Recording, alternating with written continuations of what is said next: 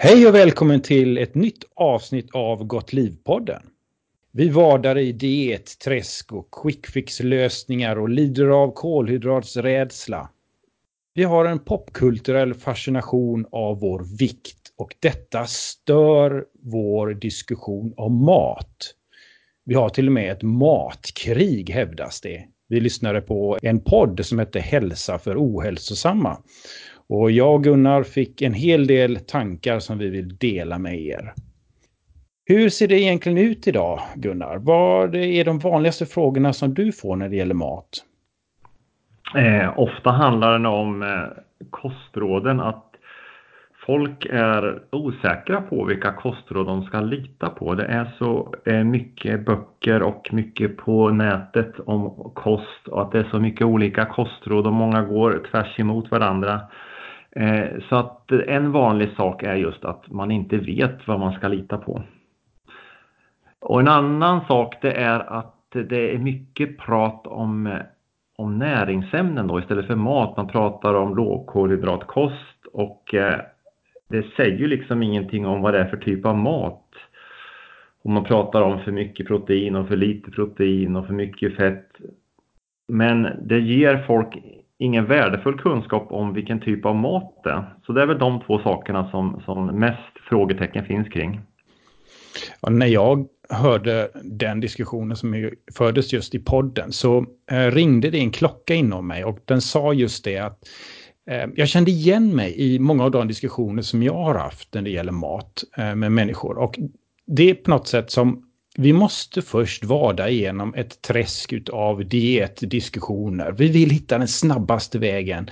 Eh, och som sagt, som jag inledde med här, oftast då med fokus på att hantera våran vikt. Och när jag lyssnade på det här poddavsnittet så slog det mig att till och med avsnittet som handlade om eh, matkriget inte heller lyckades riktigt komma ur det här dietträsket. Och det här reagerade jag på. Det här tyckte jag eh, var eh, oroväckande faktiskt. Att eh, vi, även vi kunniga då, kan bli vilseledda av diskussionen i sig. Och det här tycker jag är väldigt svårt.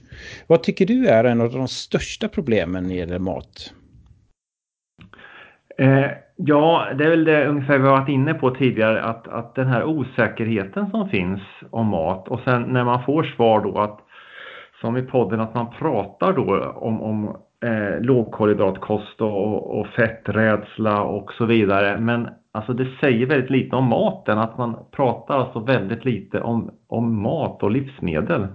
Mm. Och heller inte, väldigt sällan i alla fall, om hur den påverkar vår hälsa. Det tycker jag väldigt mm. sällan eh, finns med i diskussionen. Utan fokus är som sagt oftast på vikten och om den påverkas inte och vad man ska skära ner på istället när det gäller de här enskilda energiämnena då, energikällorna. Eh, vad, eh, men i den här diskussionen så blir vi ofta vilseledda kring vad det är vi kan lita på. Och där eh, figurerar väldigt mycket kritik kring olika typer av studier på mat. Eh, därför ställer jag ju frågan till dig då, du är ju professor Gunnar i detta. Och vad är då en bra studie? Ja, som i podden då vill de ha, alltså de pratar om experimentella Eh, interventionsstudier, eh, randomiserade interventionsstudier, det vill säga att man ska lotta folk till försöks och kontrollgrupp. Eh, så man var ju väldigt fokuserad kring noggrannheten i studien. Problemen med de studierna är ju att man inte kan hålla på så länge med den typen av studier. Vill man se vad folk dör i eller insjuknar i, i de här vanliga sjukdomarna som hjärt-kärlsjukdomar och cancer så krävs det ju årtionden. Och, mm. då kan man inte lotta folk till försöks och kontrollgrupp. Eh, men i den här podden verkar det som de bara godtog den typen av studier. Utan vi måste titta på den studie som kallas för kohortstudie, det vill säga att vi följer en grupp människor i en lång tid. Och man kan liksom inte styra människor utan de får göra naturliga experiment. Det vill säga folk äter som de vill. En del äter mycket kött, en del äter vegetariskt och så vidare. Mm. Och sen tittar man på eh, vilka sjukdomar de här grupperna får och sen så får man korrigera statistiskt för det som kallas för confounders.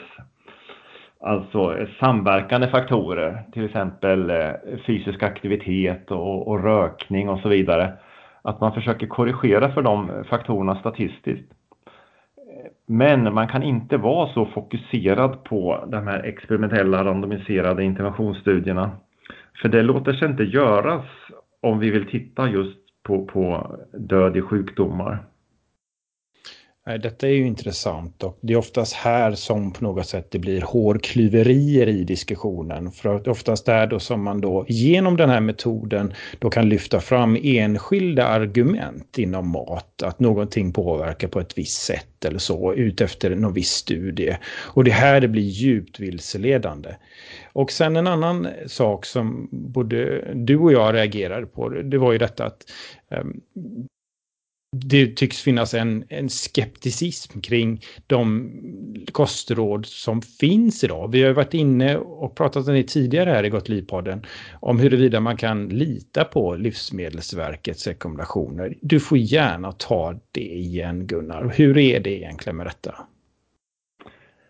Eh, Livsmedelsverket anordnar ju tillsammans med de nordiska länderna eh, nordiska näringsrekommendationer som ska uppdateras var fjärde år Eh, och då sammankallar man ett eh, hundratal forskare eh, och de får då gå igenom litteraturen på olika områden och sen granskas det av andra oberoende forskare. Mm. Och det är väl så närma sanningen vi kan komma i dagsläget.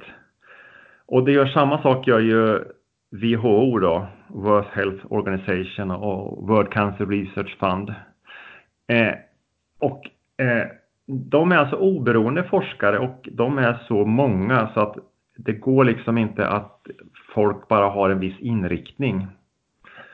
Eh, och därför så eh, får vi lita på det för att det andra säger och bara går på sig själva och skriver en bok om det, då är alltså den personens uppfattning.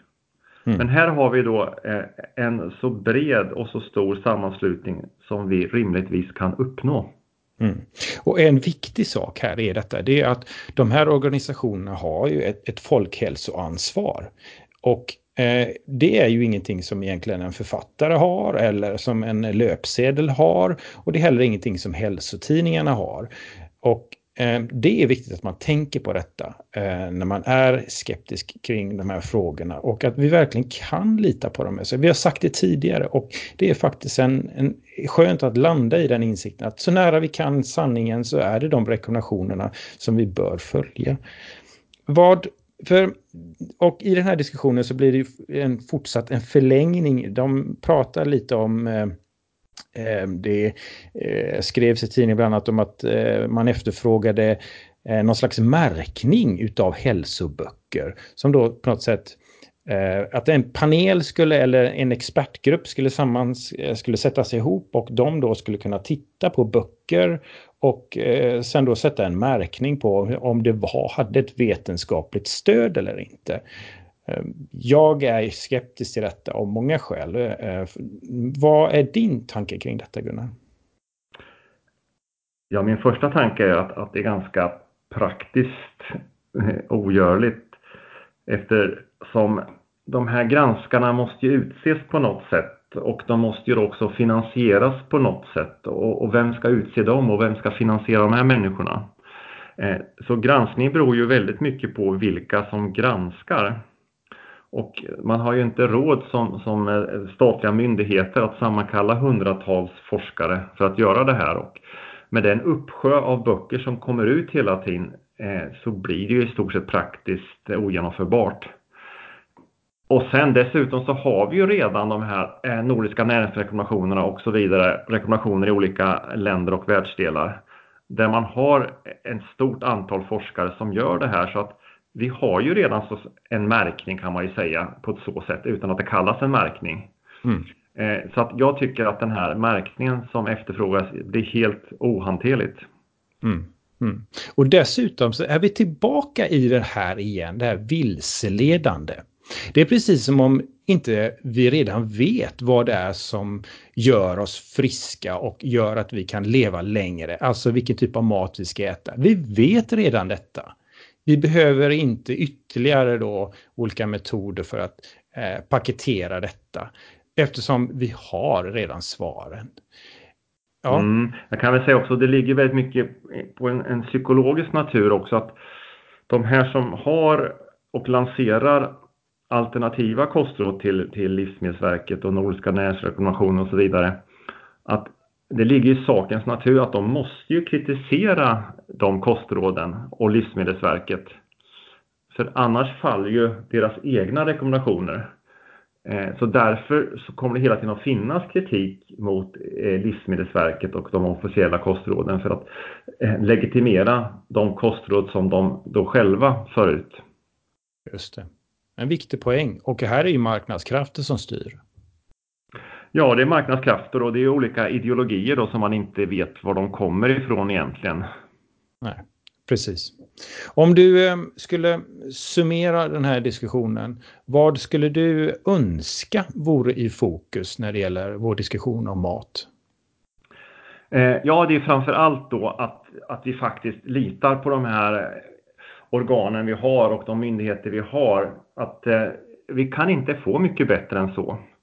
Och den andra grejen som jag pratat om det är att, att vi ska prata om mat och inte om näringsämnen typ lågkolhydratkost och eh, fetträdsla och så vidare. Så att det säger ingenting om den mat eh, vi äter utan vi ska prata om mat och livsmedel.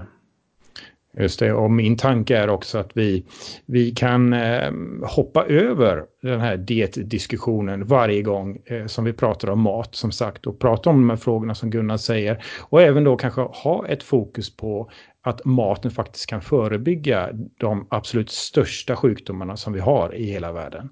Och eh, då att vi har fantastiska möjligheter att förebygga hjärt och kärlsjukdomar och cancer genom våra mat. Ja, för när det kommer till vetenskapliga studier om kost och sjukdomar eh, så rörs ju preventionen av olika kostrelaterade sjukdomar till liksom mellan 50 och 90 procent. Eh, det är olika cancerformer och hjärt-kärlsjukdomar. Så att kosten har ju en jättestark påverkan på vår hälsa. Ja, och för att understryka det du just sa, mellan 50 och 90 procent. Och vi har svaret, mina vänner. Vi behöver inte diskutera det mer. Vi har svaret. De finns på Livsmedelsverkets sida. De finns på de stora organisationerna WHO och så vidare. Eller hur Gunnar? Ja, precis. Vi får tacka för oss. Det var ett eh, intressant ämne idag och eh, nästa vecka hoppas vi att vi kommer diskutera något ännu mer intressant. Tack och hej!